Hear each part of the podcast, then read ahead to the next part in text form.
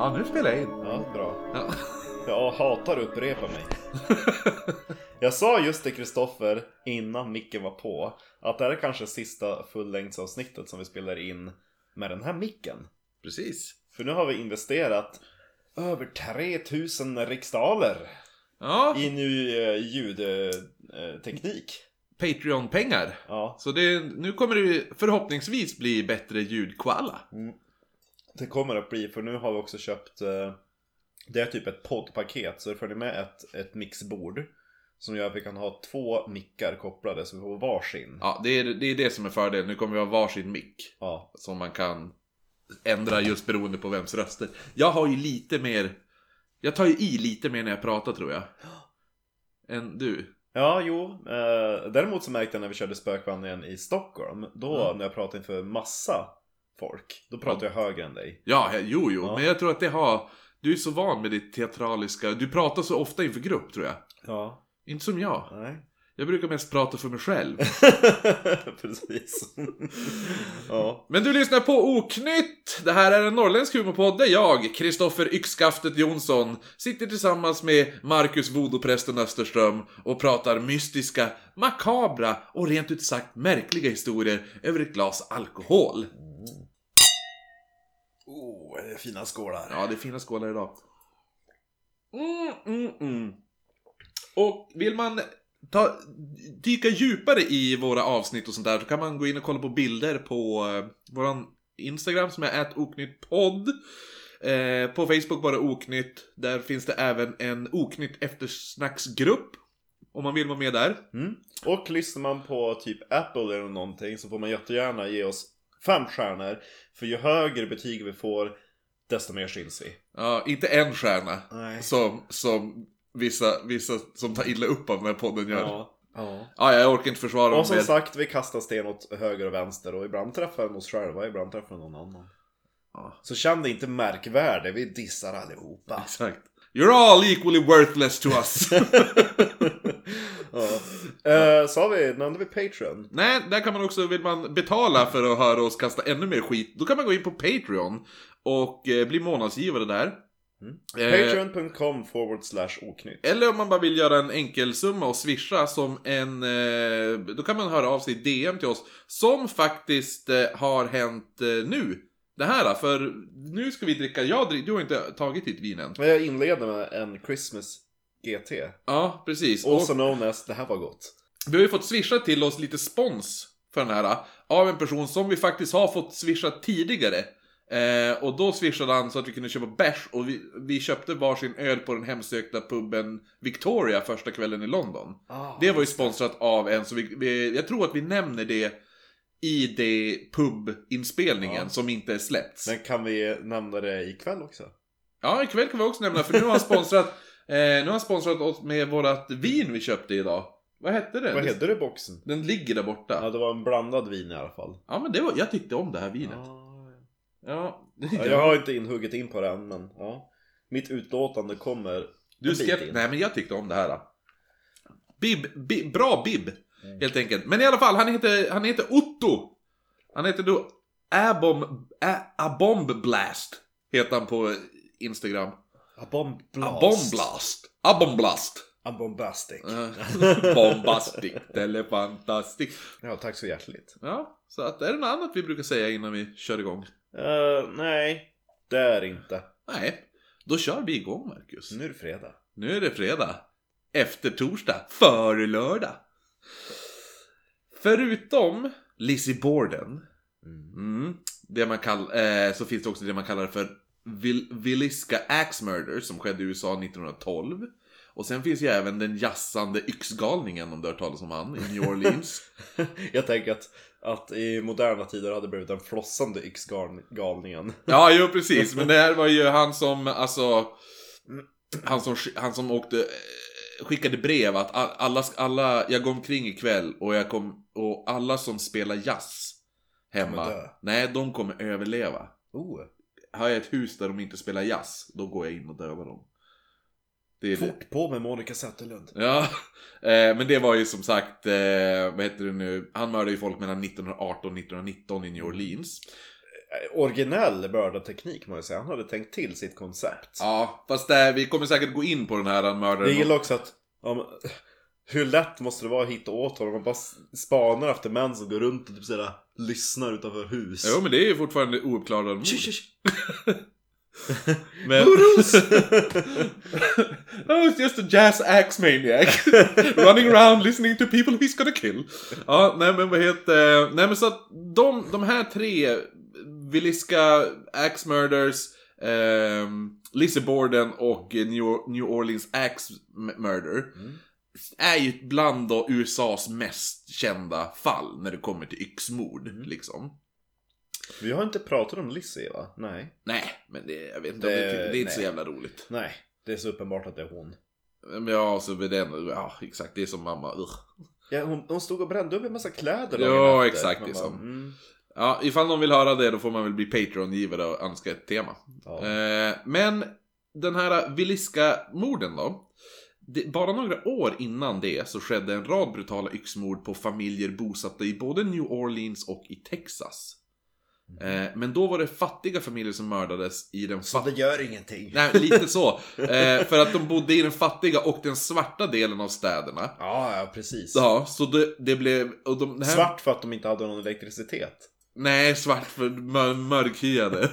Ehm, Det var så lätt. Det var egentligen inte ens några mord. De bara sa att det var folk som högg ved. Ja, Hårt exakt. mörker. Och så råkade någon bara kliva in i någon dörr. Fick yxan i huvudet. nej men de här äh, morden blir ju nästan bortglömda lite därför. För Villiska Axe-morden är också på en familj som, det här är samma tidpunkt, det här är 1912. Ja.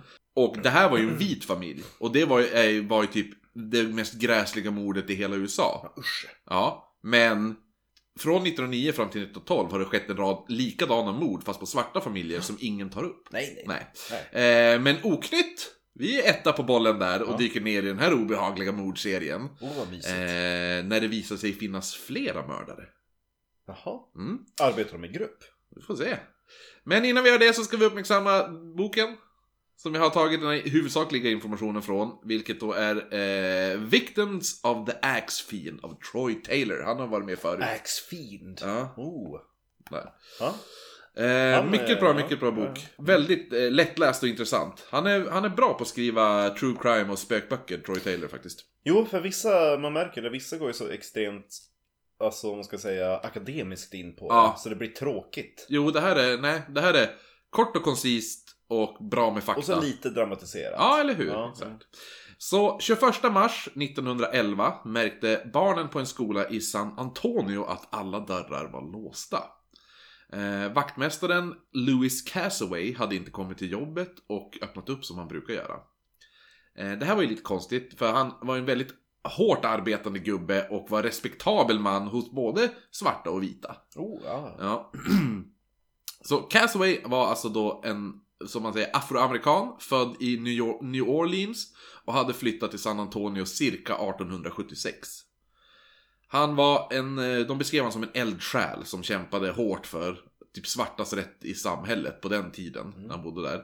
Han jobbade även ett tag som vakt i stadens domstol.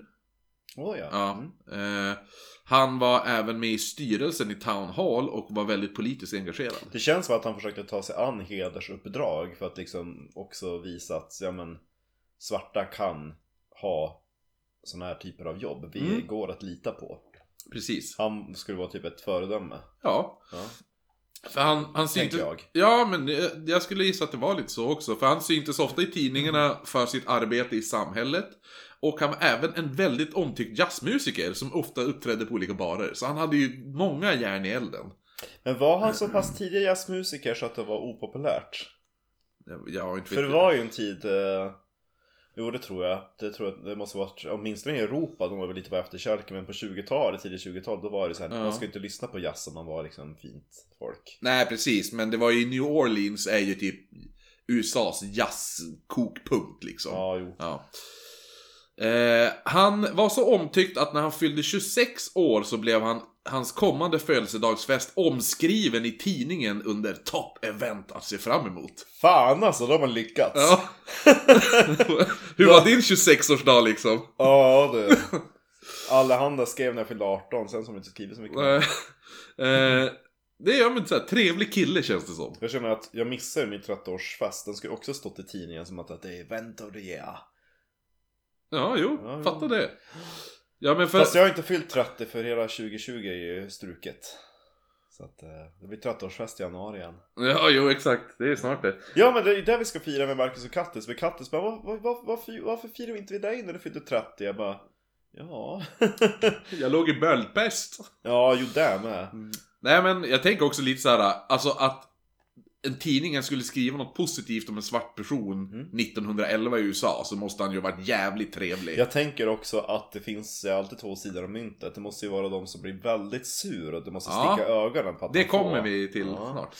Eh, nej men så, alltså han måste ju vara väldigt omtyckt också eh, med tanke på synen på mörkhyade. För det måste ju vara så att ehm, det, svarta måste ha fått väldigt lite medutrymme.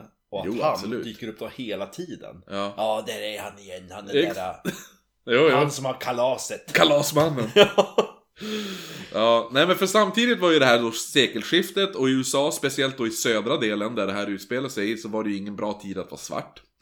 Har det någonsin varit en bra tid? Nej, det har väl aldrig, men det var väl extremt på den här tiden. Då var det typ insane. Ja. ja. För, Det enda positiva var att de inte var slavar i alla fall. ja fast de hade ju satt det om det i system också. Jag, vi kan ta det i ett annat sen. Jag kan, jag, för de hade ju tagit fram så kallade Jim Crow-lagarna. Ja, jo, jo. Ja, vilket styr, det styr ju alla svartas liv. Så bara tvärkort om Jim Crow. Det här är ju lagar som bestämde svartas rättigheter.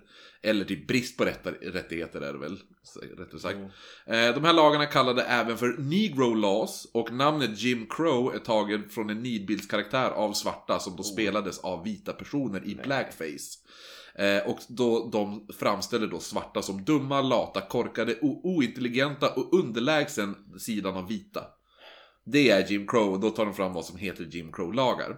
Och de här lagarna var alltså tänkt på att skilja på vita och svartas levnadssätt. Eh, svarta ansågs vara underlägsen, men samtidigt så var det de var ju en del av den, citat, mänskliga rasen. Mm. Inom cit- citattecken där. Jo, men man skriver verkligen om det som en egen ras. Eh, Jo, ja, nej men så att de ansågs ju då vara en del av Alltså den mänskliga rasen inom citat, Ja, måste, citattecken. de måste ha lite rättigheter, men inte för många. Nej, så det var alltså tvungen att sätta in lagar på vad också, det här är också citat! Mm. Den korkade idioten fick lov att göra.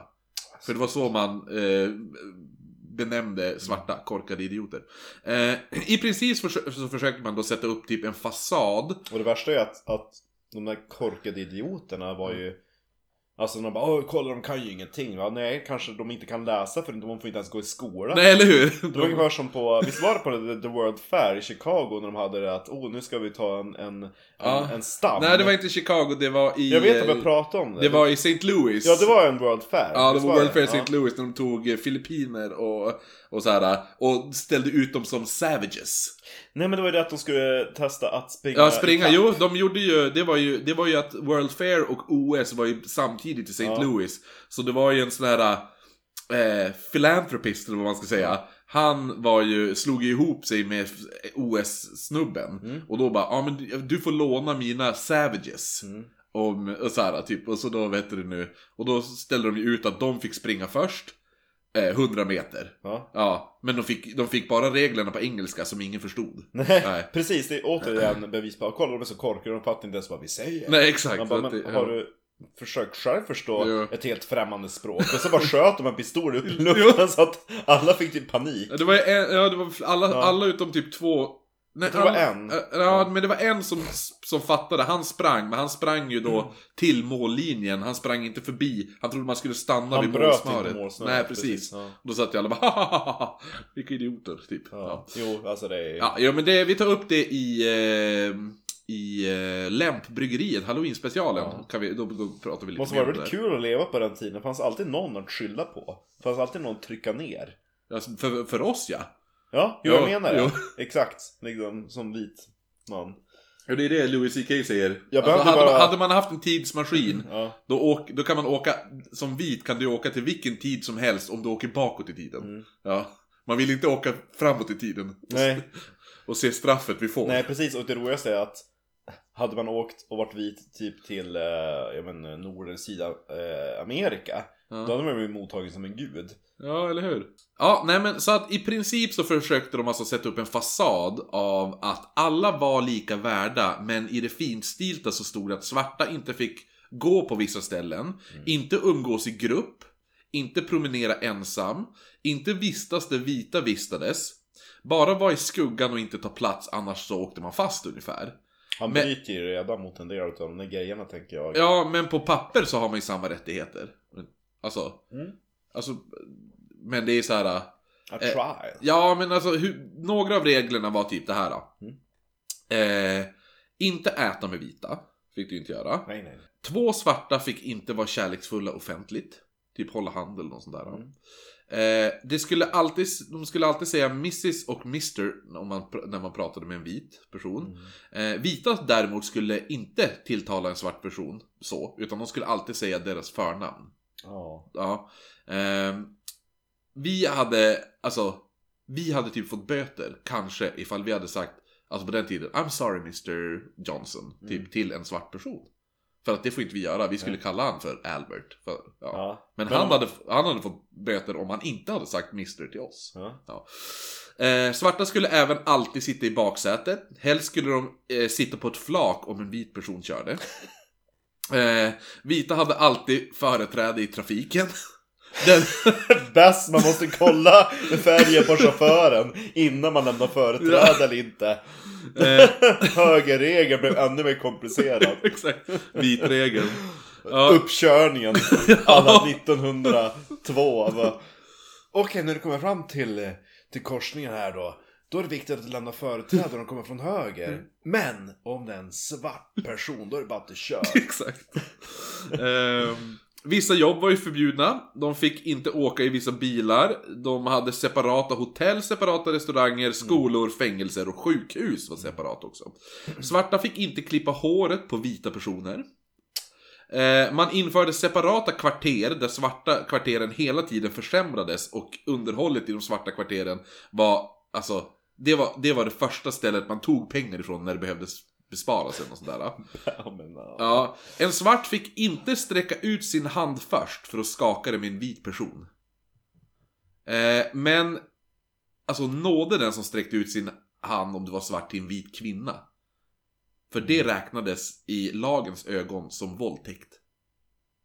Gud vad hemskt. Alltså allt en svart man kunde göra i princip, alltså, Men då fattar man ju ännu mer hur extremt banbrytande den här lilla vaktmästaren var. eller hur? Verkligen. Och att han blev då, var en, eh, inte bara accepterad utan en uppskattad medlem utav samhället. Mm. Eh, men alltså så här, allt... Han måste verkligen ha slitit för att komma till den platsen. Ja, han hade ju allting emot sig. Ja. Ja. Eh, nej men så att under, jag gillar en bra underdog-historia, så att, Ja. eh, crack on! han, eh, nej men allting en svart person, alltså gjorde mot en vit kvinna kunde ju räknas som våld, försök till våldtäkt där typ. Eh, även om, alltså, även om tjejen var med på det. Alltså, och om det visar sig att en vit kvinna legat med en svart man så var ju det såklart att han hade våld. Automatiskt, per automatik. Ja, det är ju våldtäkt då. Eh, även om hon Ville ha BBC. Ville, ja, exakt. Det fanns ett loophole där, när det inte räknades som våldtäkt. Och det var ifall en svart man var gi- gift med en vit kvinna. För då, var det inte, då räknades det inte som att han våldtog henne. Men då var det bara det kruxet att det var olagligt att gifta sig mellan svarta och vita. Mm. Så att... Eh, vita, Körigt. ja, vita kunde göra i princip vad som helst mot svarta. Speciellt också för att de införde i vissa delstater något som kallades för the lynching laws.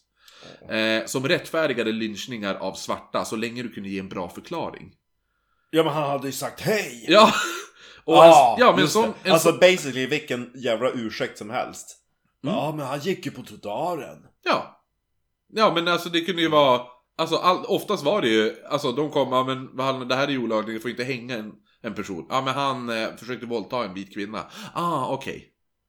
Så om en svart man sa hej åt en kvinna så, ja, de Mm. fattar. Det är, det är rättfärdigare. Eller gick eh, i, två stycken hand i hand. Eh, ja, men det tror jag, det räknades inte. förfall. Det var inte våldtäkt, utan det var ju mer... Ja men ja. eh, en bra ursäkt. Jo, precis. Ja. Nej men så Louis Castaway då. Mm. Hade ju några blickar på sig kan man ju tänka, som du sa. Ja. Alltså det stack i ögonen. Mm. Det han var med utrymme i vita tidningar. Ja, speciellt också när man fick reda på att hans fru Lizzie Castletoe var vit. Va? Och några år... Sa de. ja. Nej men det, måste, det var ju väldigt förvånande. Jo, för några år tidigare. Det var ju olagligt, kommer du ihåg, att gifta Ja, sig? jo men alltså att de, det man tänker på det här också, att de ens ska kunna möta varandra och kunna bygga upp en relation. Alltså hur, hur har den situationen uppenbarat sig? Han har, måste ju knappt ha vågat säga hej till henne. Ja, jo, men det här är... Det här är ju bara också i vissa delstater. Jo, men alltså, jag tänker ändå jo. att det måste ändå varit, eh, även om inte lagarna där så måste det ändå Nej, varit ganska precis. överhängande. Ja. Ja, ja. Eh, Mm. Men eh, så några år tidigare hade de åkt till Mexiko, som då var en plats där vita och svarta kunde gifta sig. Mm. De hade inte de här lagarna. Och när de väl kom tillbaka till USA så ställdes de båda inför rätta på grund av det här. Ja. Men Lewis var ju så omtyckt. Ja. Plus att han även jobbat som vakt i den här domstolen. Mm. Så man la ner fallet mot dem. Alltså, Det var ju snällt. fallet att de hade gift sig. Ja. Det var fallet liksom.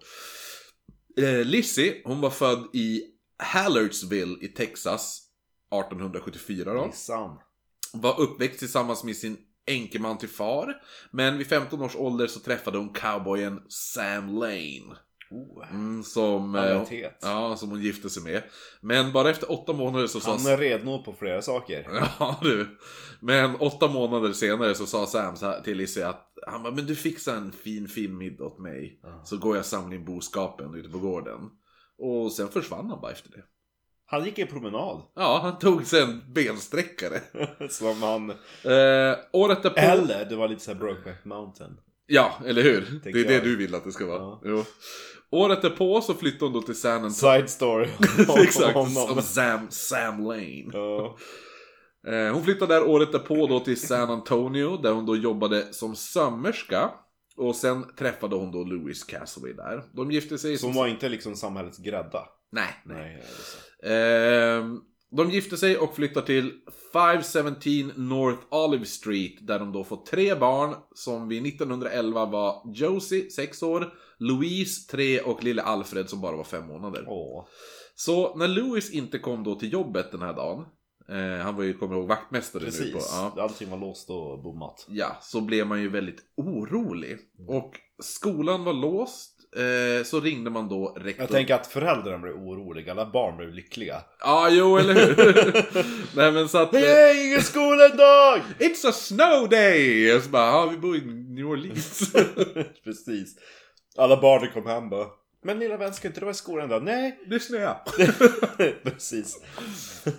De, vart ju som, de ringde ju då när, till rektorn. Jag, tra, jag gillar att rektorn inte ens har kommit till skolan. Nej. Eh, Traver, eh, rektor Traver hette han. han. Nej, det var så, så här var det. Rektor Traver ringde, ringde till Louis ingifta kusin, Richard Campbell. Som bodde i ett hus strax bre- bredvid Louis och hans familj då. Ja. Eh, en hyresgäst till Campbell svarade. Mm. Hennes namn var Fru Drake. Oh, Eller Drake hette hon ju. inte om hon var svenska. Nej, då var det Fru Drake. Och hon sa att hennes son... Perfekt namn när när man jobbar inom skolväsendet. Nej, det här var en inneboende till eh, Louis Ja, ja. ingifta kusin. Ja, Ja, Eh, nej men så att eh, Fru Drake sa att hennes son hade lekt med Castaway-döttrarna bara kvällen innan. Skulle du säga, tror du skulle säga lega. Ja, nej, de var ju äldsta på sex år. Han hade sagt hej. Nej, ja, eller hur? Det var våldtäkt. Ja, nej men Barnvåldtäkt. Ja. Så hej. Nej men så hon sa de hade lekt ihop bara kvällen innan och han brukar faktiskt sova över där ibland, men inte den här gången. Eh, Så hon går över, men allting är låst. Hon börjar banka på dörren, men hon får ju inget svar. Och ju mer bankningar, desto mer folk börjar nu samlas runt omkring huset. Och då kommer den här kusinen Richard Campbell och blir den som till slut Är det han som gjorde soppan? alltså den här... Campbell? Ja, Campbell så. Ja. Ja. Ja, jo. Som vad heter han, konstnären där? Eh, Warhol, ja. ja. Nej men han blir den första som till slut lyckas bryta upp en fönsterbräda så att de kan gå in i huset. Men han öppnar fönstret så märker han hur en kudde ramlar ut. Och det här är en kudde som har täckt fönstret. Och sen när han börjar kliva in så ser han Louis blodiga lik. Och kudden kan ha placerat där för att typ ljudisolera skrik. Kan man tänka. Eh, eller bara att skymma så att ingen ska titta in. Ja. Så Sheriff John Tobin är den första utredaren på plats då. Sheriff Tobbe. Ja, och Tobin kände paret sedan tidigare då han, han har jobbat med Lo- Lois i Ja. domstolen ju. Och Lizzie hade även jobbat åt honom som sömmerska. Mm. Ja. Och Tobin erbjöd direkt en belöning på 250 dollar till den som kunde peka ut mördaren. Han måste ju varit väldigt emotionellt eh, involverad i Jo, Men eh, berätta. Eh, how was the murder scene? det kommer nu. Ja. Bostaden var helt dränkt i blod från golv till tak. I föräldrarnas rum fann man Lois död i sängen, hållandes sin mördade treåriga dotter Louise. I rummet bredvid låg mamman Lizzie med sexåriga Josie och den fem månaders lilla Alfred låg också där död. Hela familjen hade mördats på samma sätt genom att få huvudet inslaget med den trubbiga sidan av en yxa. Oj då. Vapnet var taget från familjens egna skjul efter hade mördaren ställt upp yxan vid fotänden av sängen. Mm. Men då undrar man i vilken ordning, har man kunnat rekonstruera i vilken ordning han bör ha dödat dem? Eller brydde man sig om det så mycket? Menar- Man vet inte, för man vet inte om man kanske har flyttat liken efter. Ja. Eh, men ytterdörren var blockerad inifrån, vilket tydde på att mördaren flytt genom baksidan. Eh, det här var inte ett rånmord heller, eller ett inbrott som gått fel, då inget hade Var det blivit... ett hatbrott? Va, det, det får vi se. jag tänkte bara som ja, just det! Ja. Vad heter det, de som, som, som har de lesbiska som jag Ja, precis. träffa. Eh, kan det vara ett hatbrott? Det är ett in, internskämt för eh, lyssnarna. Jo, vi hade glömt bort det. Bra att du påminner. Ja. För när Eh, vi spelar, det vi spelar, när ni spelar eh, Sherlock Holmes. nej, det var inte Sherlock Holmes. inte? Vi spelade Paranormal eh, Investigator, tror jag den Men heter. det göra mord som dök upp, var det ett hatbrott? Jo, jo, precis. Nej, det var, jag tror vi spelade Black, eh, Black Stories. Du vet, när man läser det. En man ligger död vid sidan av en pool. Han har en handduk virad runt halsen. Mm. Vad hände? Och så ska man fråga frågor. Och då var det hela tiden. Var det ett hatbrott? ja, nej men så alla pengar var kvar. Även Lu- Louis guldklocka. Jag ska säga guldtacka. Ja, exakt. Hans, hela hans förmögenhet med 17 guldtackor. Mm. Nej, han hade en guldklocka och den var, han hade, mördaren hade inte tagit guldklockan på, eh, från liket. Ingen verkar ha hört Tyder på att det måste vara en rik person. vi får, vi får, vi får det, ja. Skriv ner dina misstankar på en lapp Ja. så får vi se i slutet av Ja. det. Eh, det här rik var... person, hatbrott. Mm. Ja, men ingen verkar heller ha hört någonting. Vilket var konstigt. Då hunden som familjen ägde, hunden som även lämnades vid liv, borde ju ha skällt. Ännu, Empatisk djurälskare. ännu konstigare var det faktum att det hade regnat hela gårdagskvällen. Eller att hunden kände igen Eller att mördaren. hunden var mördaren. Men, nej, men att hunden skällde inte. För att han kände igen mördaren. Ja, så tänkte polisen också. Ja. Men det hade alltså regnat hela kvällen. Ja. Vilket gjorde att det var lerigt. Mm. Men man hittade bara mördarens spår bort från huset. Spring Vilket, Hill Jack. vilk, vilket alltså betydde att han måste ha gömt sig timmar innan det började regna i huset. Och sen väntat gömd i huset till familjen somnat. Och sen klivit ut. Oj. Eh, men frågan är fortfarande varför inte hunden skäller. Den hunden vägrade sen lämna husets veranda. Vägrade sen säga något. Ja, vägrade lämna husets veranda efter morden och låg bara där dag ut och dag in. Eh, men polisen hade en del olika teorier om vad som hade hänt. Och i tidningen kunde man läsa. Citat! Citat! That the person who committed the crime was deliberate in his work of slaughter is shown by the condition of things found upon the arrival of the officers. Arrival. The, the faces of Louis Castaway and his wife were found covered with a cloth. In the window near which Louis Castaway lay, a pillow had been placed. A pillow was also found in the window near the head of the woman, and a blanket had been spread across the north window of this room. Josie Castaway was killed while laying on the bed nearest to the wall by the north room, as shown by the blood at that spot. The body, however, had been picked up and afterwards thrown near the foot of the bed. The head being bent farther back than was the larger portion of the body. Other conditions found in the room indicated that the murderer was in no hurry to leave. In each killing the blunt end of the axe had been used. Så att det var ju, han hade ju täckt för alltihopa, alltså eh, fönster och hela köret där ju. Så man hade ju, alltså, man hade ju då inga ledtrådar heller. Och Lewis var ju då en omtyckt man, han hade inga fiender vad man visste. Men det kan ju Typ tänka... hela samhället. Men man kan ju tänka att hans vita fru, som du sa, sved lite i ögonen på vissa. Eh, men om folk tänker Ku Klux Klan nu, Mm. så får de tänka om. För Ku Klux Klans återfödsel i USA skedde inte förrän 1915. Oj. Då filmen Birth of a Nation hade premiär. Eh, man arresterade dock en svart man som hade haft ett, en argsint diskussion med Louis dagarna innan. Men han släpptes snabbt. I brist på bevis då. Han har bara sagt jag säger, jag säger. När polisen gick igenom huset med eh, en andra gång så hade en stor folkmassa samlats, förståeligt då, men polisen do, bidrog ju lite extra till den här folkmassan då de bar ut alla eh, blodtäckta möbler utomhus så att alla kunde se dem. Så att det är klart att folk började komma dit. Varför flyttar man ut möblerna? Eh, Jo, för att de bara, men det här, de här ska inte vara kvar i huset. Folk kommer ju, alltså, så tar de ut dem. Och så kanske för att leta ledtrådar och sådana där saker.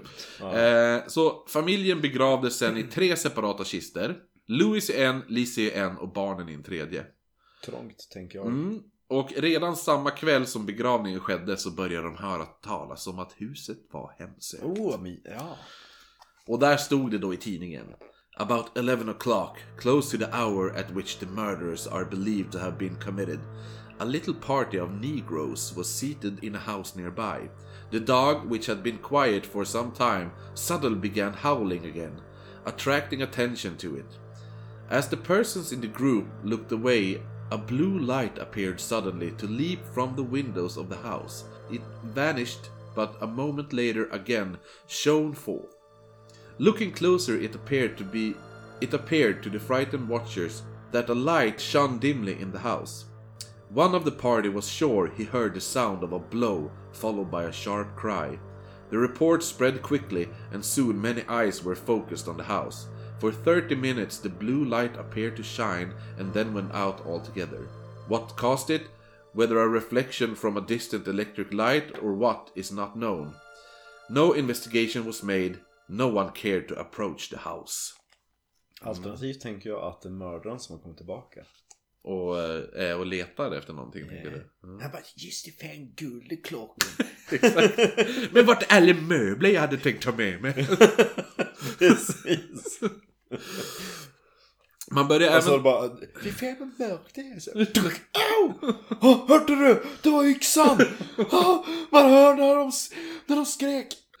Man börjar även då spekulera också i varför inte hunden hade skällt och väckt familjen. En teori var ju att... Eh, var, det, eh, en var att alla hade blivit drogade.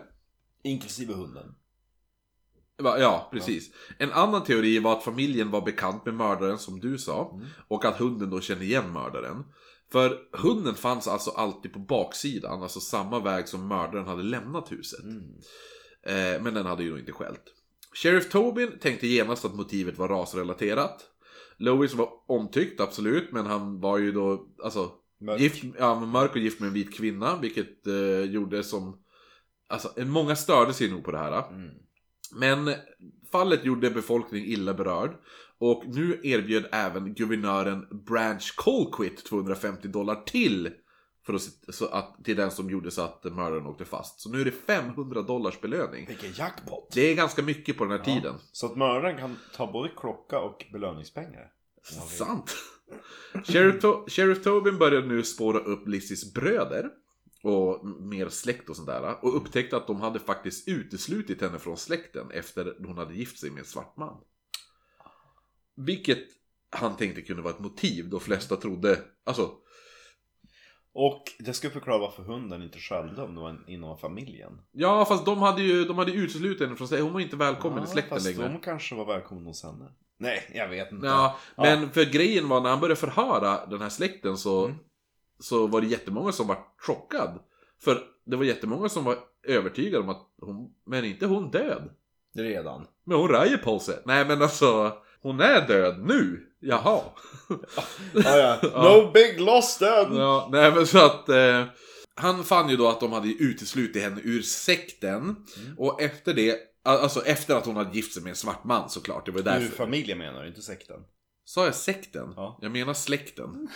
Ja, eh, nej men efter att hon hade gift det Anledningen var ju för att hon hade gift sig med en svart man. Mm. Vilket han tänkte då, det här, det här är ett bra motiv, men de flesta, de flesta trodde ju som, som, som vi sa att hon faktiskt redan dött. Eh, så han avskrev släktingarna, nästan alla. För William McWilliams var en 68-årig man som växte upp som fosterbarn åt släktingar till Lizzie. Mm. Eller sektingar. Ja, han hade flyttat till San Antonio och fått höra utav en kvinna att han bara bodde en liten bit ifrån Lizzie och hon var nu gift och hade barn med en svart man. Och William McWilliam, han trodde ju inte på det här. Alltså han gick över dit för att se om det var sant.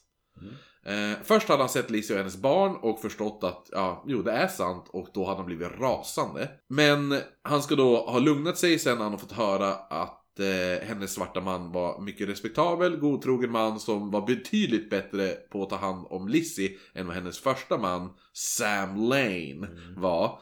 The gay Eh, cowboy. Jo, för han hade ju både slagit henne och lämnat henne. Ja, och fick inte ens upp det. Nej. Dock fanns det andra vittnen som sa något När de helt... skulle, när de skulle ligga. Ja. Kom igen då, kom igen då. Är du bög eller? Han bara Nej! Så Nej, men- tycker jag att det gick till. Det fanns andra vittnen som sa lite annorlunda historia än vad William McWilliam sa. Så. Eh, att han inte alls var speciellt förlåtande. Och sen kom även ett vittne fram och sa att Lizzie hade dagen innan mordet blivit uppmanad att lämna sin man av en person som betett sig väldigt hotfullt. Och grannen James Nelson hade hört att McWilliams hade han sagt det här. Citat! Had out five negroes in the ground and three of them in the same grave. Oj då. Precis hur de begravdes. Ja. Ja. Så McWilliam arresterades och man sökte igenom hans hem men man fann... Vi hittade ingen yxa där. Nej, Det var... Den var ju kvar i huset. Ah. Nej, jo men man sökte igenom hans hem. Då fann man brevpapper som matchade de brev som polisen fått skicka till sig tidigare. Brev som då hade avskrivits som dåliga skämt där avse- avsändaren skrev hur han avskydde ter- Sheriff Tobin. Lite Jack the Ripper-breven du vet. The Ripper letters. Och breven löd Citat! to the sheriff of Bexar County and also R.A. Campbell, lawyer. I understand that you're all in search for the man that killed Louis Cassaway's family. Well, I am that man, and I'm going to give you trouble in catching me. And whenever you run across me, there will be trouble on your hands. I am no Negro. I am full-blooded white man, and again, I never wrote this. I had it done by a man that is today about 300 miles from here. And I'm in the city of San Antonio now. So catch me if you can, and there will be trouble on your hands because I'm in a dangerous place and I mean to kill the first one that tackles me about the matter. So you can pop all your whip and get busy. I am ready to die at any time, so look out. I had a right to kill that family, and if you ever catch me, I will explain it to you. And away I go! Precis. Kan, kan inte läsa brevet med den rösten ja, istället. ju. I'm a full-blooded white person! Nej. Lite Tiny Tim. Mm. Du vet... Eh... Hallå, den största landlöda. Ja, som är i, eh, han pratar dessutom Manchester-dialekt. Vem? Han som är Tiny Tim. Nej men jag menar musikal... Eller musikartisten. Nej! Jo det menade Tiny jag. Tim är ju han som, han som gör barnrösten på YouTube. Han var typ med i British Got Talent. Och så har Jaha, han en nej, men det YouTube-kanal var- när- det fanns när, han, en- när han ringer upp typ så här. Ja, en, eh, en fastighetsmäklare. Hello, is this buy the house? I would like to buy a house because my mama, she's always sleeping. Jaha, ja. Jag känner igen det där. Ja. Men jag, jag menar ju han, han som var typ världskändis på slutet av 60-talet. Nej. I, den, har du inte hört den här låten? Han, vart ju, han dog ju på scen. Medan han eh, sjöng den här låten som kommer nu.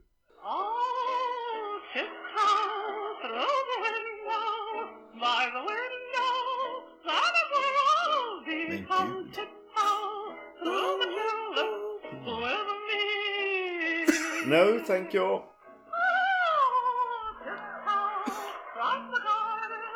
Tänk dig höra den mitt i natten. Mm.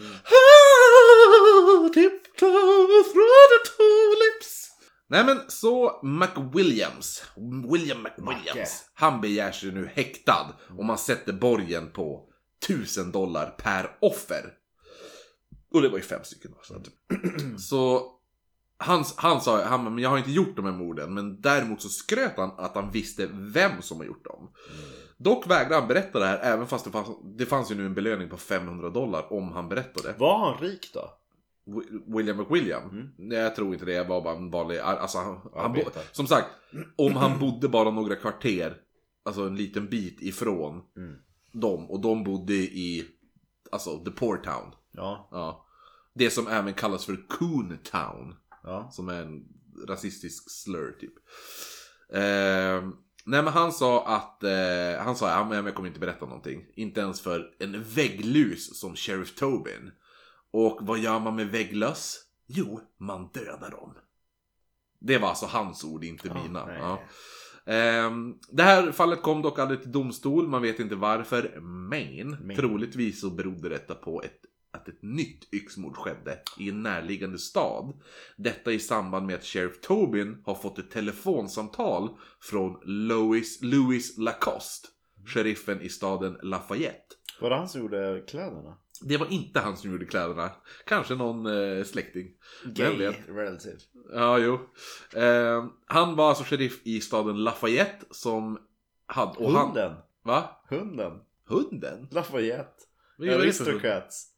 Jaha, jag tänker direkt när de säger Lafayette, då tänker jag bara på den där homosexuella kocken i True Blood. Nej, Jag såg aldrig True Blood. Nej, men han var ju också... Va? Det är ju mycket, det, känns ju som en Tyckte det gay-serie. var skitlätt, alltså jag tyckte det var så obehagligt intro med den där räven som blev uppäten och maskar och alltihop. Jag ska inte se den här skiten. Det, det, det känns ju som väldigt gay-serie. Finns är det någon gay i den då ens? Ja, det men är ju- just det, Hans jo. Skarsgård är väl bi? Ja, och så, och, så, och så den homosexuella kocken som är typ bäst i hela serien, han heter ju Lafayette i den. Ja, ja. Men så nu backar vi några, vi backar bandet några år. Oj då. Till 13 Jo, för att nu, han ringer ju då, han, sheriffen i Lafayette. Ja. För han har ju lite saker att berätta nu. Ja. Så då, bakåt, bakåt i tiden då, till 13 november 1909. Till järnvägsstaden Rain i Louisiana. För de utgår från en rad yxmord som skedde i södern i början på 1900-talet. Är av samma gärningsman, de här morden vi kommer ta upp då. Så startade troligtvis mordserien här. Och Rain grundades 1883 och växte sakta under åren där man uppförde då banker, hotell med mera och sånt där. Men det var när ett så kallat eatery, du vet som pratat, Eatery. ja, Ja. Som om tidigare, Ja. som hette The Rain Drop-In öppnade som det blev en stor boom för den här staden. Jävlar Äh. vilken bra mat det är alltså. Ja, ägaren Donat Peugeot Donut. Ja, eller Donat, do, jag tror det, han är ju fransk. Ja. Ja, han heter typ, alltså det stavas Donat. Donat. Ja. Donat, Donat Peugeot kanske. Ja. Ja.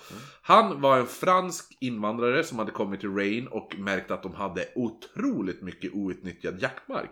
Mm. Så han får en idé. Han serverade på sin restaurang egenjagat kött. Mm. Som på Lottas! Eh, men också grodlår. Som var... Alltså, Gott. Ja men det var snabbt väldigt populärt. Så populärt att han kunde börja ta emot beställningar från andra städer. Och skeppade då grodlår på is till New Orleans i utbyte mot fina viner och ostar. För New Orleans är ju riktigt jävla fransk. Det var ju franskägt ju. Ja. Det är bara det är fransk arkitektur och allt. Alltså, Jo det stavas ju, alltså jag tror att det är en, en annan stavning på hur det var förut. Det är typ Orlän eller någonting. Ja, men i alla fall. Så att det, var ju, det är ju en riktig mega... Och det är bara franskättlingar och allt sånt där. Så, att, eh, så det är mycket franska viner och ostar och där. Så han bytte ju det här. Och då kunde han ju servera det på sitt eatery. De här fina vinerna och ostarna tillsammans med groddlåren där. Mm. Fler följde då hans exempel och stadens turism Did ökade. someone say I die? Flera följde hans exempel och stadens turism ökade extremt mycket. en liten Då- gourmetstad. Ja, för alla ville ta del av vad som kallades för den stora groddmanin. Man hade grodduppfödningar där det alltid fanns 15 000 levande groddor att ta ifrån. Och Rain kom att bli kallad för The Frog Capital of the World. Så det är ju lite kul. Tri- trivia där. Alltså undrar hur grodor smakar. Ska vi alltså fjärde oknyttresan. Vi borde ju... Nästa Alltså, blir New York. Sen blir det Tyskland. Fjärde. alltså New New Orleans är ju USAs mest hemsökta ställe också. Så att egentligen borde man ju åka dit. Ja. Jag har ju en bok om enbart The Hauntings of New Orleans som är typ så här tjock. Oh, Eh, I alla fall. Nej men eh, det som var mindre kul än groddlårsmanin där. Mm. Det var ju nu vår kära yxmördare då som troligtvis slog till i, alltså för första gången. Hemma hos Edna Opelosus. Mm. Hette hon. Eh, Edna bodde ensam med sina tre barn i ett skjul på 2 gånger 3,6 meter. Oj. Eh, I ett väldigt fattigt område enbart för svarta medborgare. Yngsta barnet var fyra år och äldsta var nio. Eh, fastän det var många som bodde bara några meter från familjen i liknande såna här skjul då, fanns tyvärr inga vittnen till morden. Och kring ett på natten hörde man då från det här huset eller skjulet vad man ska säga. Alltså två gånger 3,6 meter. Ja. Det är litet. Ja men det är typ, det är, alltså ditt vardagsrum är ju större. Ja. Ja, tänk dig mindre vardags än det här vardagsrummet och, och du ska bo fyra pers. Jaha. Man hade ju mördat själv någon där kan jag tänka. Och de hörde ett no. Nå. Kring ett på natten hörde man från huset hur Ednas barn skrek. Ja. Eh, grannarna vaknade och skyndade sig till huset där de möttes av ett rum. Jag tänker först att ungen skriker i en halvtimme och så bara Men för i helvete. Ja. ja det kan ju vara det, det men... Det När de att- berättade sen för polisen bara, jag, Ja, jag skyndar mig, jag Ja, skyndar ja. ja, modersinstinkter inom mig vä- väcktes.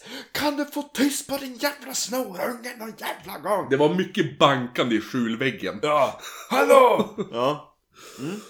Polisen bara, men eh, hur tänkte du när, när du hörde skriken? Mm.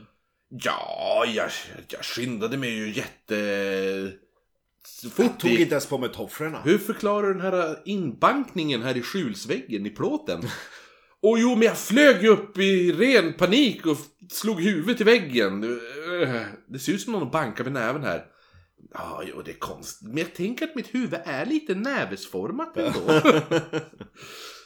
Grannarna vaknade ju och skyndade då sig till huset, som de påstår. Och där möttes de då ett rum täckt av blod och järnsubstans. Oh. Edna var stendöd, men barnen levde. Alltså, mm, till, till chocken, liksom, att de levde. Ja. Eh, för de var väldigt illa tilltyglade, för alla i familjen hade blivit slagen, precis som med Castaway, Ja. med baksidan av en yxa i huvudet.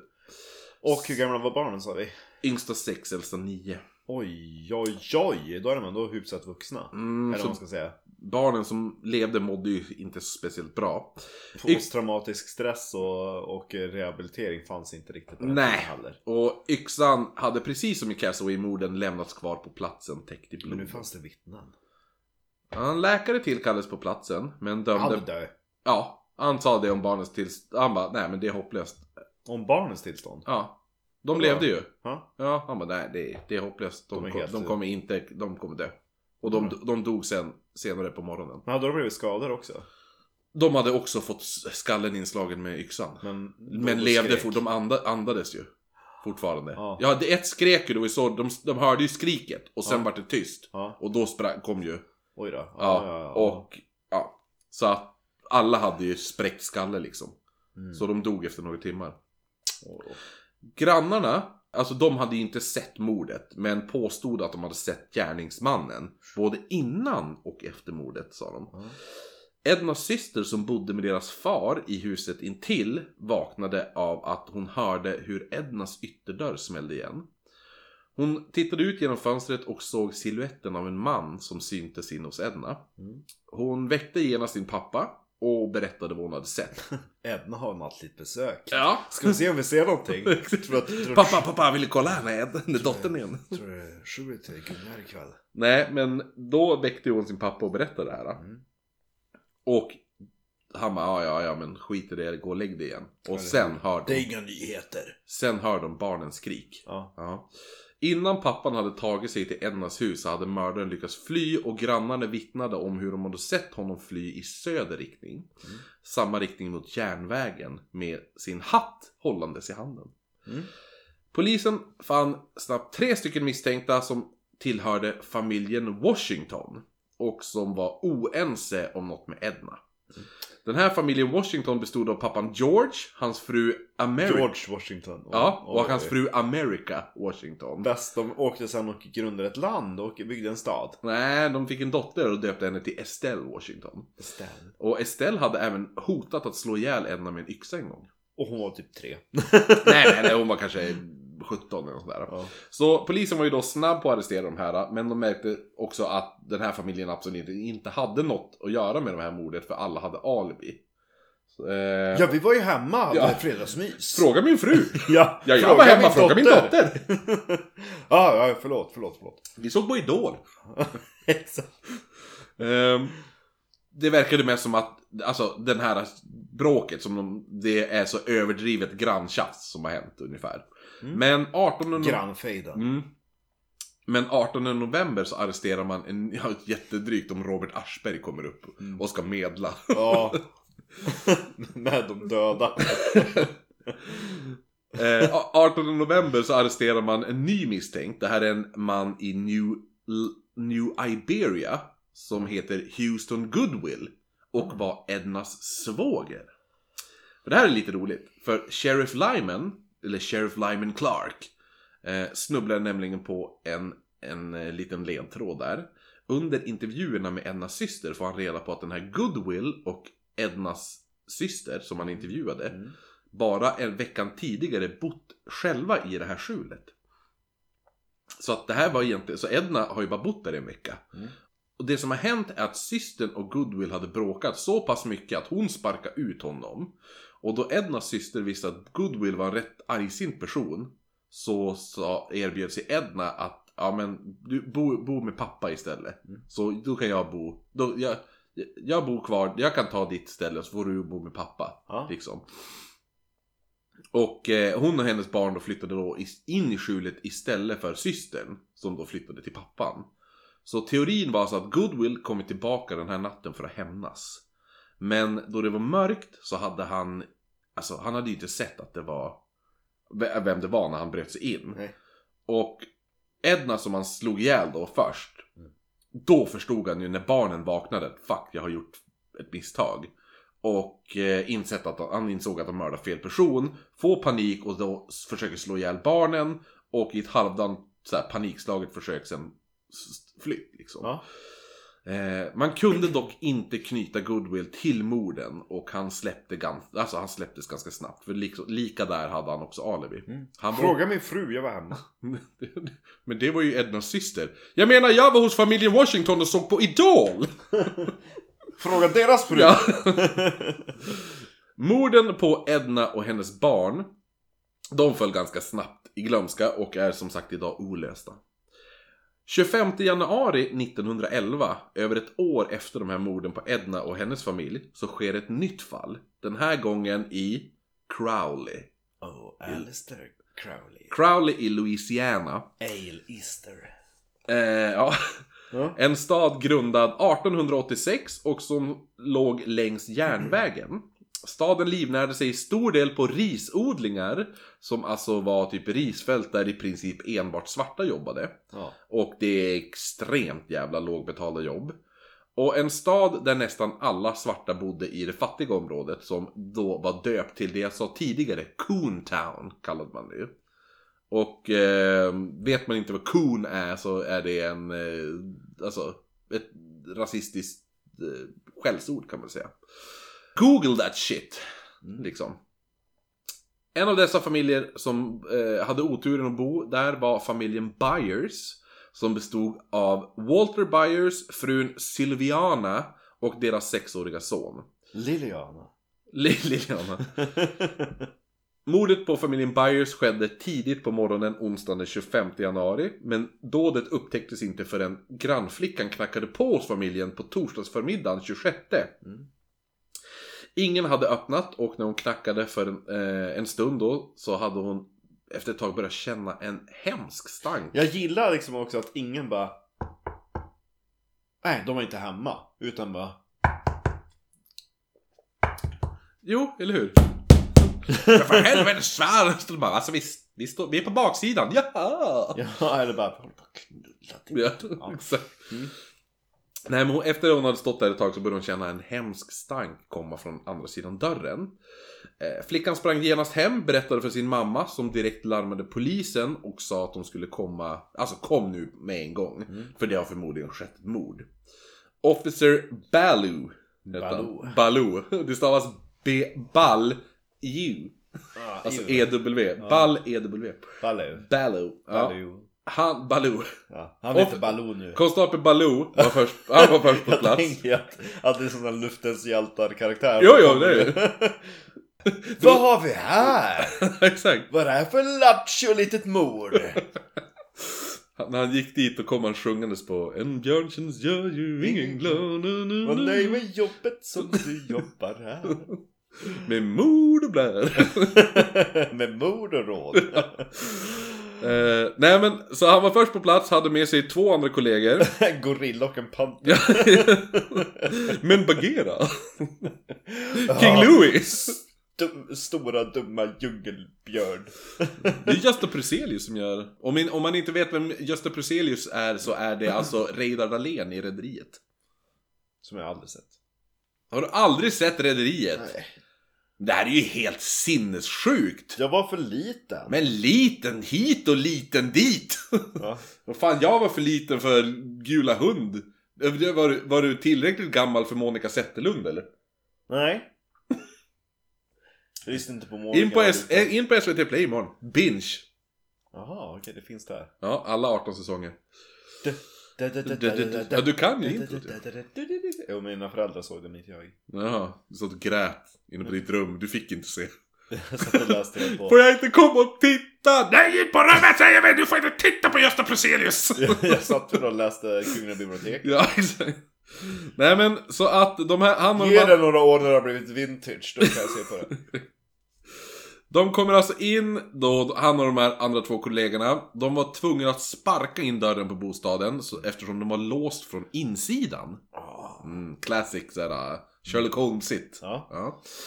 Väl där inne så fann man familjen Byers döda i sängen. Alla deras huvuden har blivit inslaget med den trubbiga sidan av en yxa. Mm, mm. Som mördaren sen placerat vid fotändan av sängen. Signature murder. Mm. Paret låg bredvid varandra medan pojken var placerat vid föräldrarnas fötter. Tvärs över sängen. Mördarens fotboll syntes på golvet för han hade efter blodbadet vandrat runt i huset och lämnat blodiga, Tagit sig en nattmacka. ja, lämnat blodiga fotspår efter sig. Då. Ja. Stegen ledde sen till ena fönstret där då mördaren tagit sig både in och ut, tror jag. Eller så hade han skurit sig på en trappa. Ja, eller hur? Eller trampat på en glasbit i ett hotellrum i London. Exakt. Så Sheriff Phonetont ja, vilka ja, tunga namn. blev den som började utreda det här fallet tillsammans med stadens rättsläkare. De hörde av sig Alltså, de hörde av sig runt i grannskra- grannskapet. Grannskrapet. Har du sett några blodiga fotspår? Nej. Nej men så att eh, man, frågade lite om, man frågade lite om familjens rykte och det visade sig att alla hade typ bara lovord att berätta, säga om den här familjen. Byers då där. Walter Byers, alltså pappan, var sekreterare i den lokala baptistkyrkan. Hans fru verkade inte ha något otalt med någon och de verkade ha ett bra äktenskap. Endast en person blev arresterad i det här fallet, men släpptes lika snabbt och den här personen hade alibi och det fanns inga andra bevis. Man hade vid den här tiden ännu inte hunnit göra kopplingar till mordet i Rain. Men som vi vet var ju inte yxmördaren klar. För 25 februari, alltså typ en månad, ganska prick en månad efter, alltså i Lafayette i Louisiana, så sker det ett nytt mord då. Så, det här måste vara ändå väldigt tidigt. seriemördare, tänker jag. Mm. Jo, men det är som vi säger, Just US, efter eh, USA, Holmes. ja, USAs första seriemördare var ju H.H. Holmes. Se- Brukar man ju säga. Jag tror att det fanns en tidigare seriemördare också. Ni- 1863. det Alltså har som... funnits någon astekisk Jo, jo, jo, det är klart det har alltid funnits. Men så här riktiga, så här, det här är en seriemördare. De har profilerat och sånt där. Eh, jo, för det här är ju, vad är det här då? Men det är 20 år efter Holmes. Ja. Efter Holmenkollen. Nej men så jämfört med de tidigare morden så som då har skett i småstäder så var Lafayette faktiskt en storstad typ. Lafayette var alltså fjärde största staden i, Som Holmsund. ja, i delstaten Louisiana. Jag tror inte Holmsund är fjärde största i Västerbotten. Umeå på 1880, eh, nu ska vi se, eh, när det brann 1888 det är typ i den tiden. Ja, Vad var det då? 6000? Nej, tre, Ja, oh, jävlar. Så. tre eller fyra. Ja, nej men Lafayette alltså, fjärde största, dels, fjärde största staden i delstaten Louisiana. Likheten mellan Lafayette och de andra städerna tror jag var... säga likheten mellan staden och eh, Umeå. Umeå, nej. Likheten mellan La, alltså storstaden Lafayette och de andra städerna var att alla är belägna längs järnvägen. Ah, han var sprungen mot järnvägen ja. Precis. Alla är ju järnvägsstäder. Ja. Ja. Han hade ju kollat då, när går tåget? Du kan sitta och vänta. Ja. Mm. Eh, Lafayette, grundad 1820 under namnet Saint Jean du Vermonville. Eller Vermonville. Ja. Ja. Men bytte sen namn för det var sämst. Ingen orkar betala, Nej. betala. Nej men de bytte namn till Lafayette 1884 när staden typ växte ihop med en förort till New Orleans som då hette Lafayette. Jag gillar att förorten låg typ säkert 100 meter åt ett annat håll. Kunde exakt. vinka till grannarna. Och ja, nej men så man beslöt sig då för att släppa namnet Saint Jean Ja, du ja, ja. Vermonville. Eh, säkert, ja som vi sa, ingen orkade säga fucking namnet. Yxmördaren slog till... Vars bor du? San Jean Jean Saint Jean vårt med Romandura. Ja, vill. Jaha, du bor i SFP. Bo, bor i en villa? Nej! Nej, jag bor i San Jean, Suckelin, Saint Jeanville. Yxmördaren slog alltså till natten mot den 25 februari. Alltså typ... Prick. 24. Va? Nej. Ja, ja natten, natt, ja precis. Mm. Antingen, man vet inte exakta klockslaget, men antingen timmarna innan Det var natt. Prick en månad efter mordet i Crowley då. Den här gången var det familjen Anders. A-liste? Nej. Crowley? A-liste? Nej. Crowley? Alltså, Men tyst nu! Den är fan... Jag ska aldrig mer säga pan i den här podden. Peter. Aldrig mer. Eh, Det hade också jag kunnat satt bli, och pratade med den det hade också kunnat bli en fantastisk bär till en merch. Pan. Peter, Peter, frågetecken. ja. Nej. Pan. Det bästa, för det var bortklippt sen när, du, när jag släppte det och så hör man Ulrik säga bara Pankaka är ju trevligt. och så jag, och Ulrik, jag och Ulrik var ju på drack bärs häromdagen. Och så satt vi och pratade om det. Så jag bara, att ingen av oss sa panpizza. Ja. alltså pan. The gift that keeps on giving. Namnet som gav, eller det som sen gav namnet till pansexuell. Nej! Utan panflöjt! ja. Nej, så den här yxmördaren då har alltså slagit till natten mot den 25 februari. Alltså prick en månad efter morden i Crowley. Mm. Den här gången var det familjen... Älst, nej. Nej, lista. Familjen Anders som olyckligtvis fallit offer för yxmördaren. Anderssons? Vad säger det för det? Med U. Anders. Jaha, Mm. okej. De bara, vi måste låta mer amerikanska.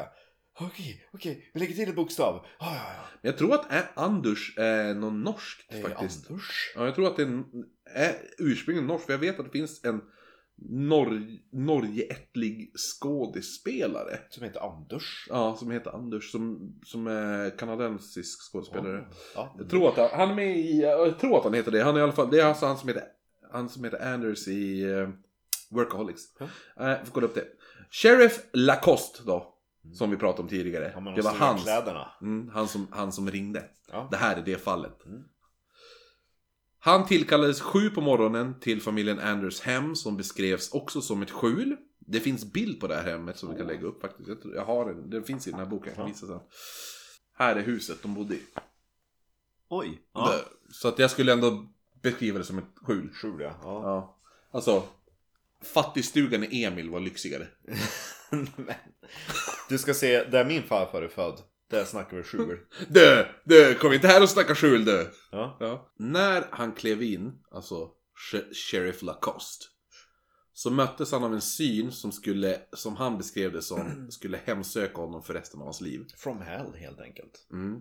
Insidan av huset var dränkt i blod. Igen. Taket och väggarna, där fann man blod och järnsubstans som kastats från yxan medan mördaren höjde och svingade vapnet.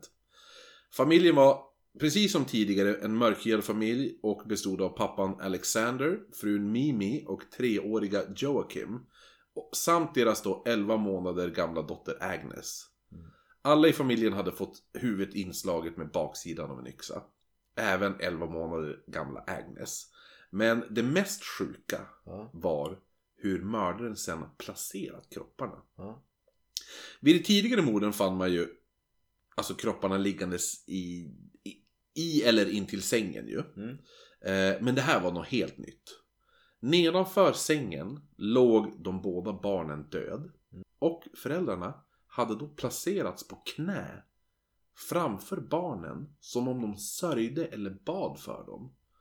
Mördaren hade även placerat frun, alltså Mimis ena arm, över hennes makes axel.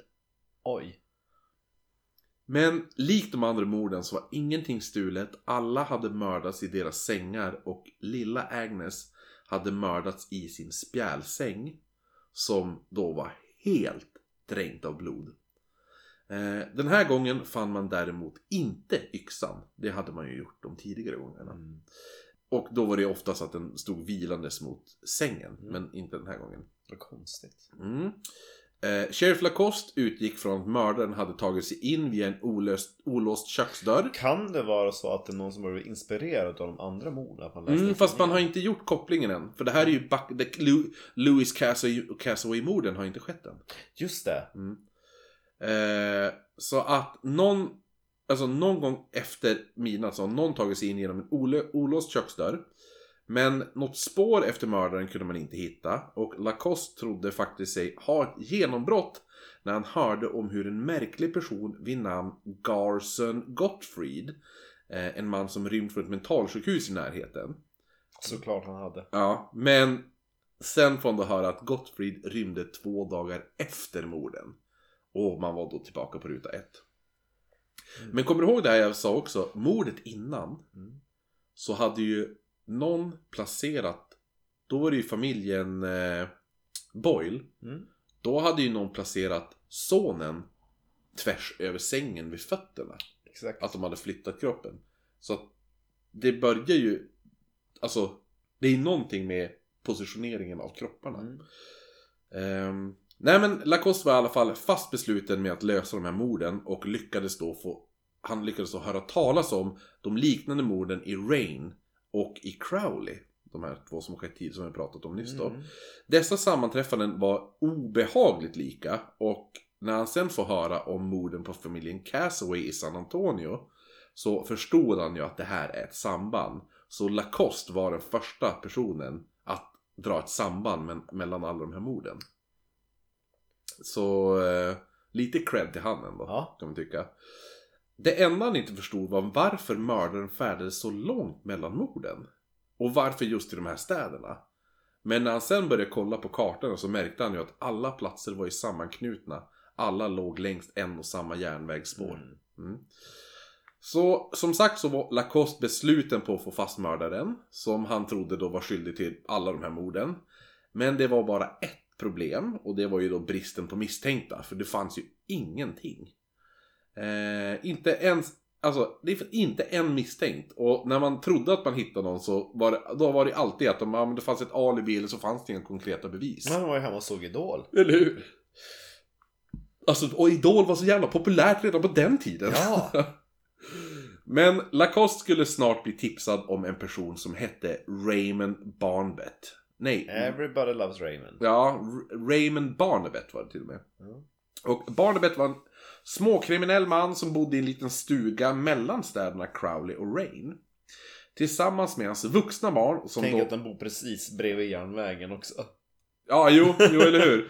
Han bodde där med sina vuxna barn. Det var alltså sonen, som du skulle säga, Efferin. Mm.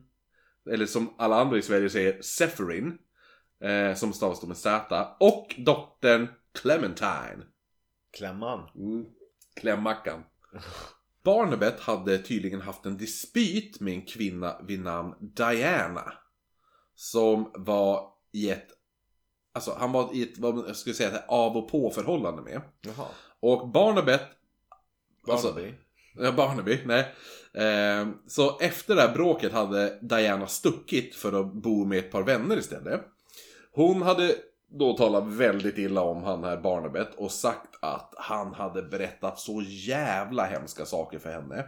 Om de här yxmorden som nyss har skett.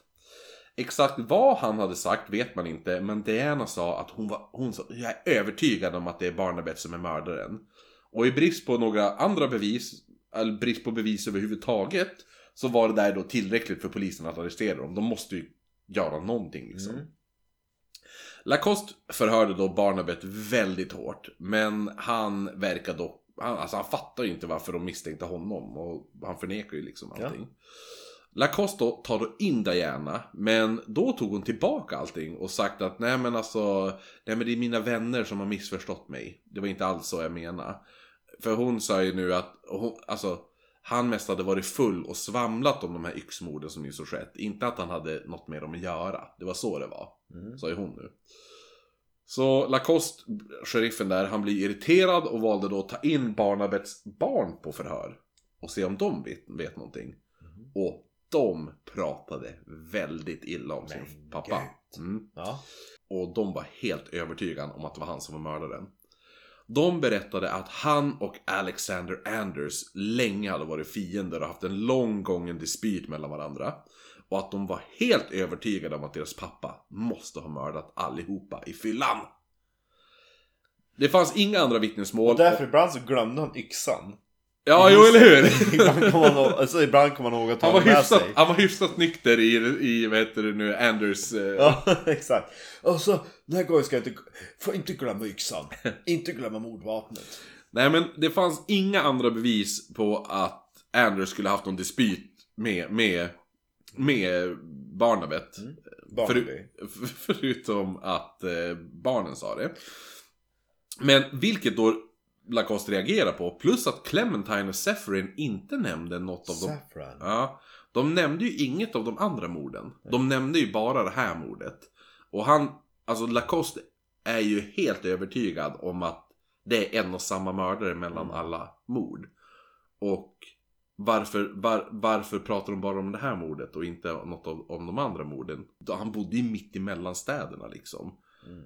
Vilket då är konstigt eftersom, alltså... De, de, alltså om de är uppenbarligen sammankopplade så borde ju barnen berätta att han har varit borta andra nätter också, sådana där saker. Men man höll i alla fall Barnabet anhållen då, då. Och åklagaren Robiora, som han då hette. Nej, Robo, Roboira, Roboira hette han. Han åtalade honom för fyra mord och rättegången hölls i oktober 1911. Man har alltså inga fysiska bevis på något av det här. Mm. Och vad heter det nu, utan det är bara det barnen säger. Men man, man kör en, Det var så åklagaren, desperat. ja Roboira han bara, men vi kör rättegång. Åskådarna var då både svarta och vita medborgare, men juryn bestod endast av vita män. Mm. Och om man inte fattat det vid det här laget så var ju faktiskt Barnabet mörkhyad. Mm. Eh, åskådarna och juryn blev både chockad och äcklad att höra hur Roboira målade upp de här hemska morden då. Några av kvinnorna i publiken, eller säger man publik när en rättegång? Åskådarna kanske? Ja. Ja. De börjar faktiskt gråta i rättegången när, de, när han be, beskriver morden. Mm.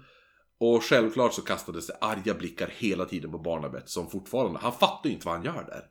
Nej. Det är ju bara en svart man som har ett par barn som är arg på honom. Ja. Ja. Det är en, det är en lite, det är en halv, det är en alkis liksom. Ja. Och ungarna tycker inte om han. Och de bara, nu sätter vi dit honom för det här mordet. Ja, det är lite häxprocessvarning. Eh, syskonen Barnabet, alltså hans barn där då, vittnade nu båda om hur deras far väckt dem mitt i natten, dyngpackad, med kläderna... Nej, nej, nej, säger han också. Ja, med... Jag brukar lämna kvar den i vanliga fall, men nu är den här yxan mig! Ja.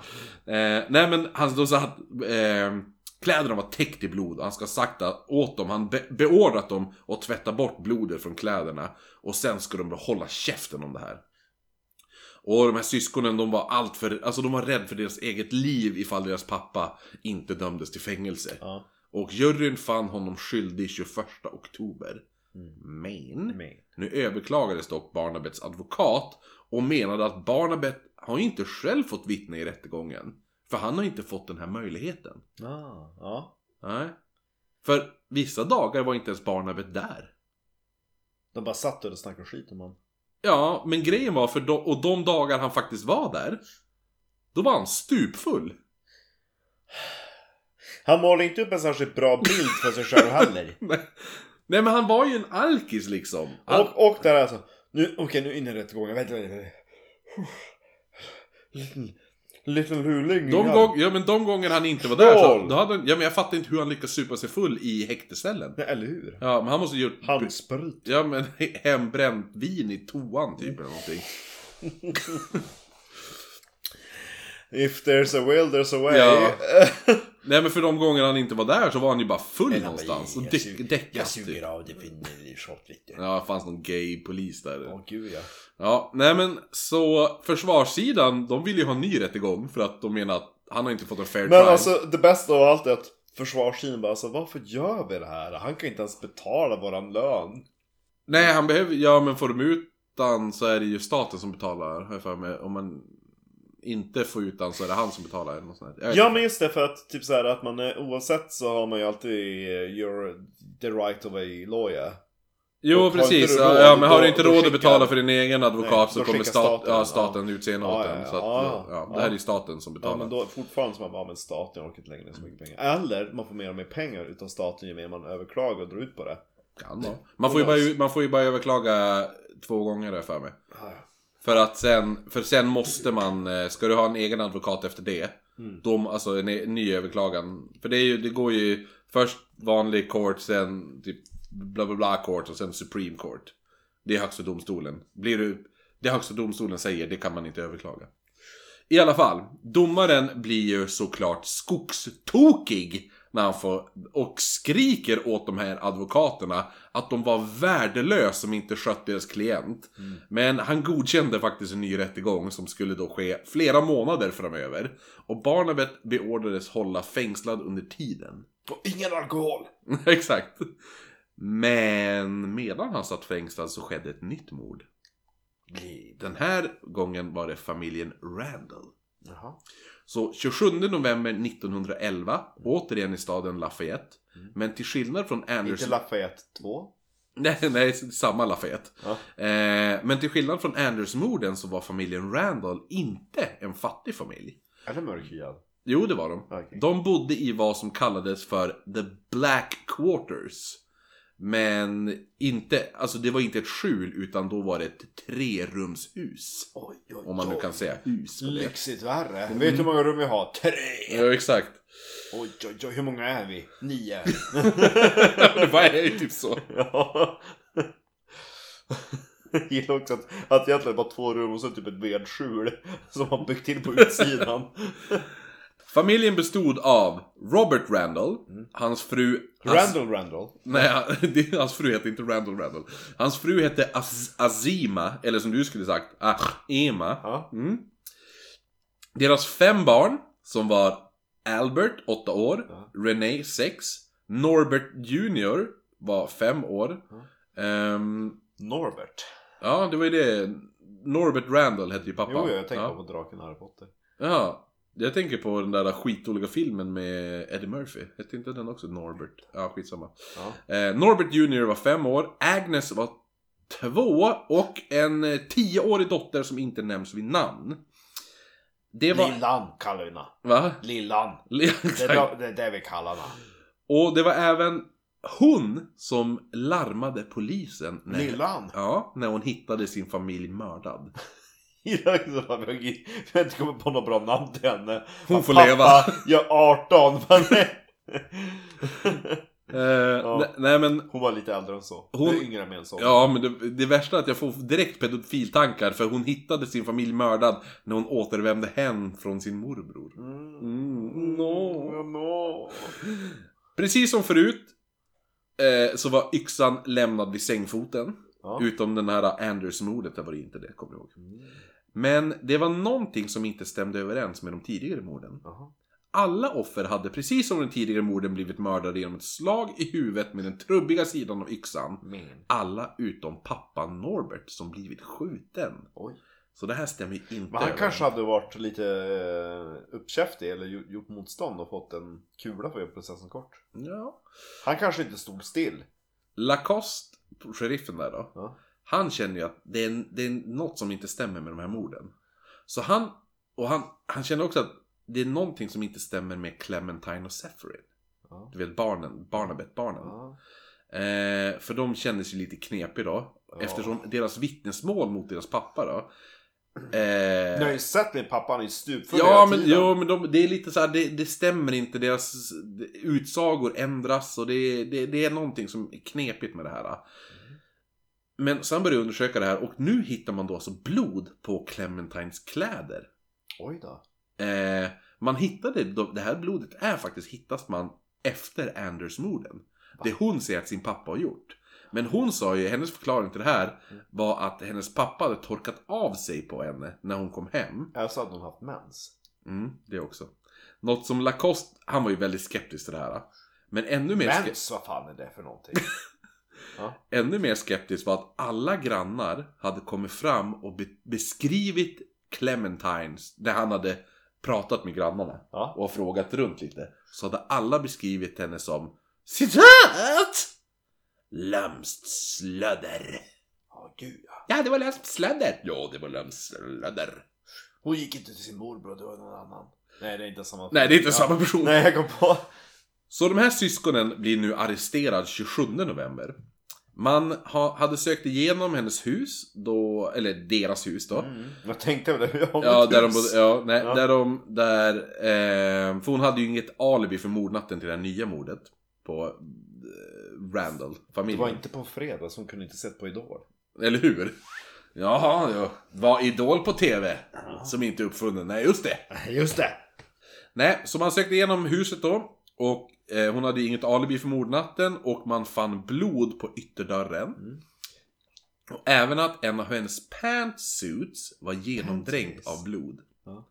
Clementine försvarade sig med att det var mensblod. Ja, Mm, som du sa. precis. Och de, bara, tyckte att det var där lite väl mycket mens. mensa? Ja, exakt. Du är inte så smart. Nej. Eh, nej men så att, De bara, hon, hon sa att hon har mördat Mensa. ja. nej, så att eh, det, var, det var, de sa ju det, det, här är lite väl mycket mensblod i så fall. Men man valde faktiskt även att testa blodet Ja. eh, och fann att det inte var mensblod. De, det fanns så pass bra forensic, alltså Man kunde väl se typ, ja, ja, okej, ja. Jo, Spännande. Eh, man kunde dock se att det var mänskligt blod plus att det var blandat med järnsubstans. Mm. Och jag har träffat många tjejer. Mm. Jag har aldrig dock träffat en tjej som mensar järnsubstans. men men, man vet. Någon kanske ska vara den första.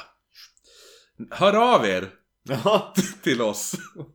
den mensvärken du. Kommentera på @oknyttpodd. Ja. Clementine var onekligen skyldig till det här äh, Randall-morden då, familjen Randall. Men... Bästa är ju typ i, har du sett det avsnittet där, Ab- Absolutely Fabulous? När Dina äh, klagar på nageltrång. Nej, jag tror Och så inte. går hon och åker in på sjukhus.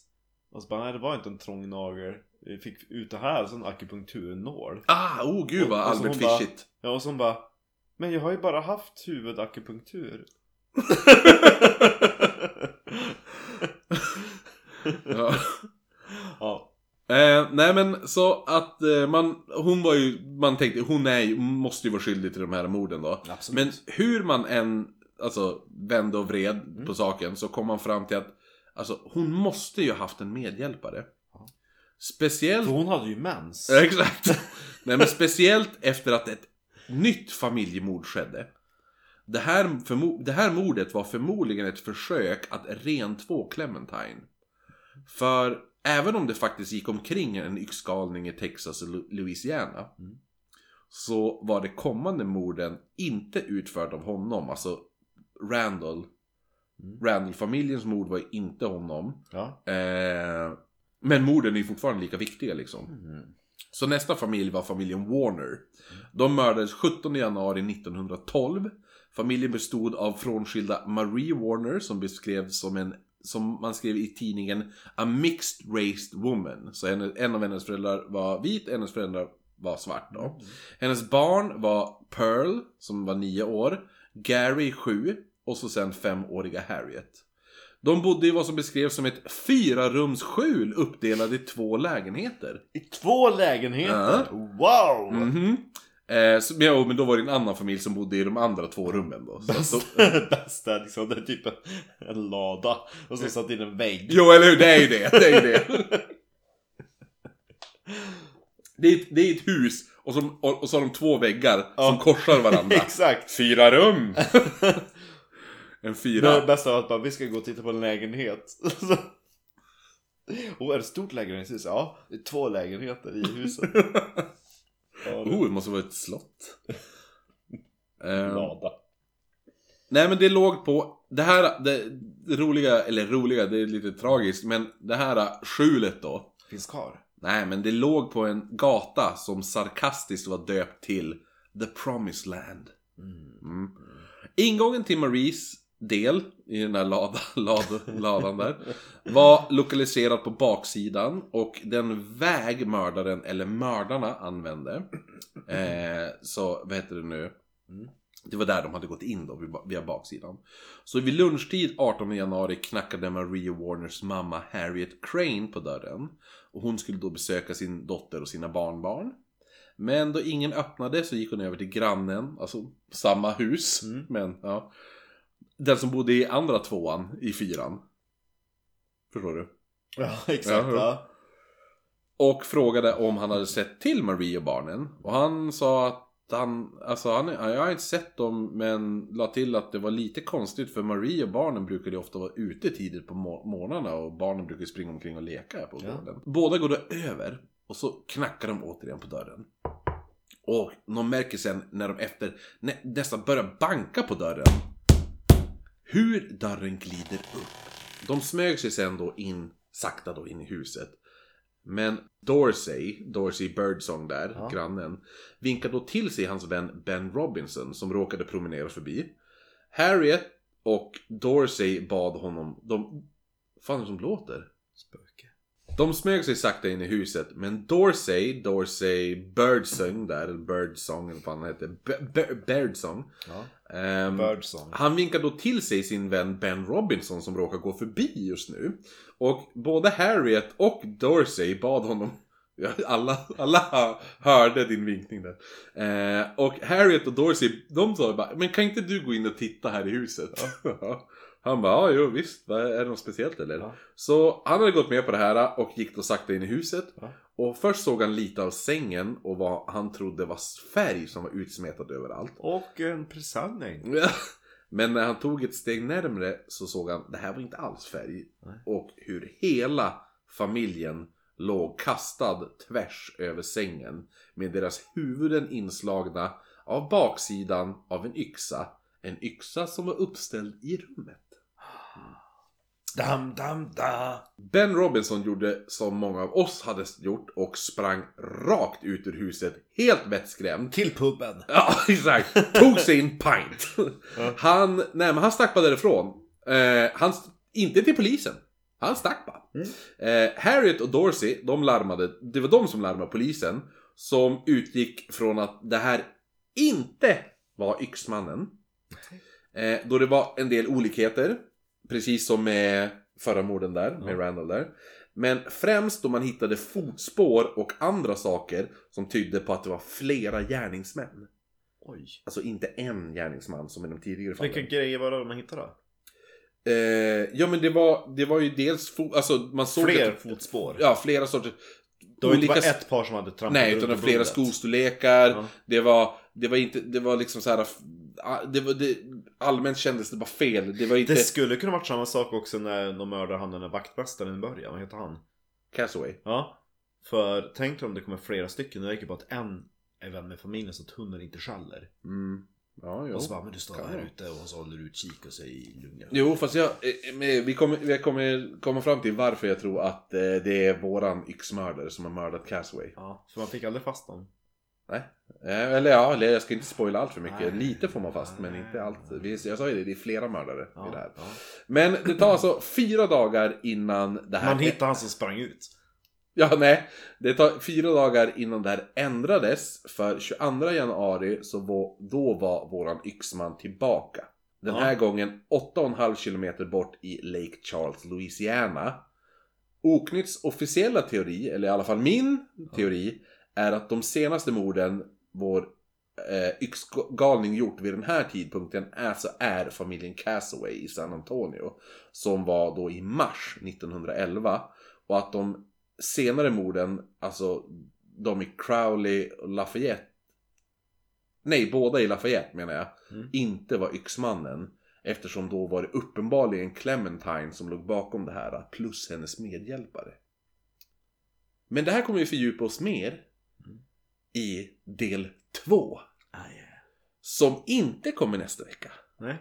För nästa vecka, nästa fredag, Ja. då är det 100-årsjubileum för Oknytt. Ja, 100 avsnittsjubileum. Nej, 100 år har vi hållit på. Ja.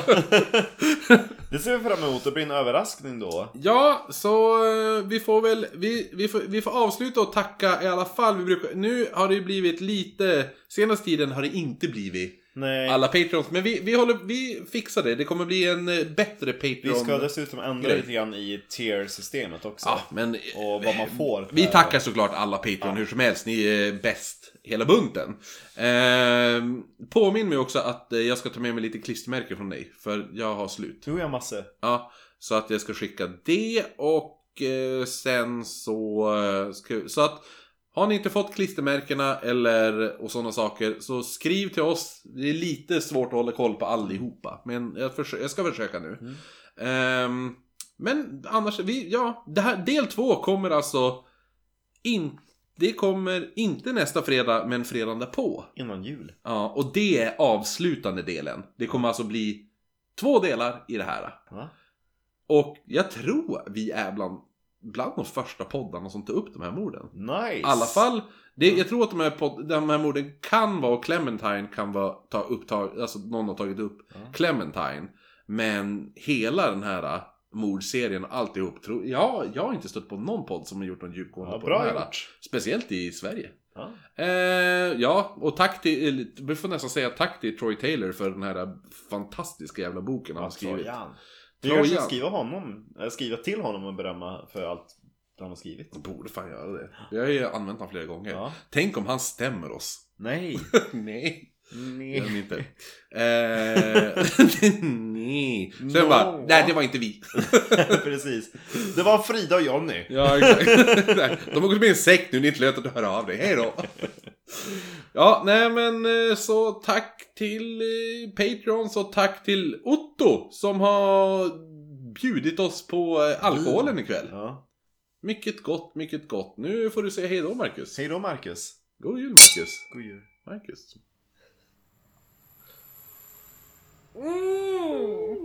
Det här var gott. Det här var gott. Vi dricker alltså Ottos vin.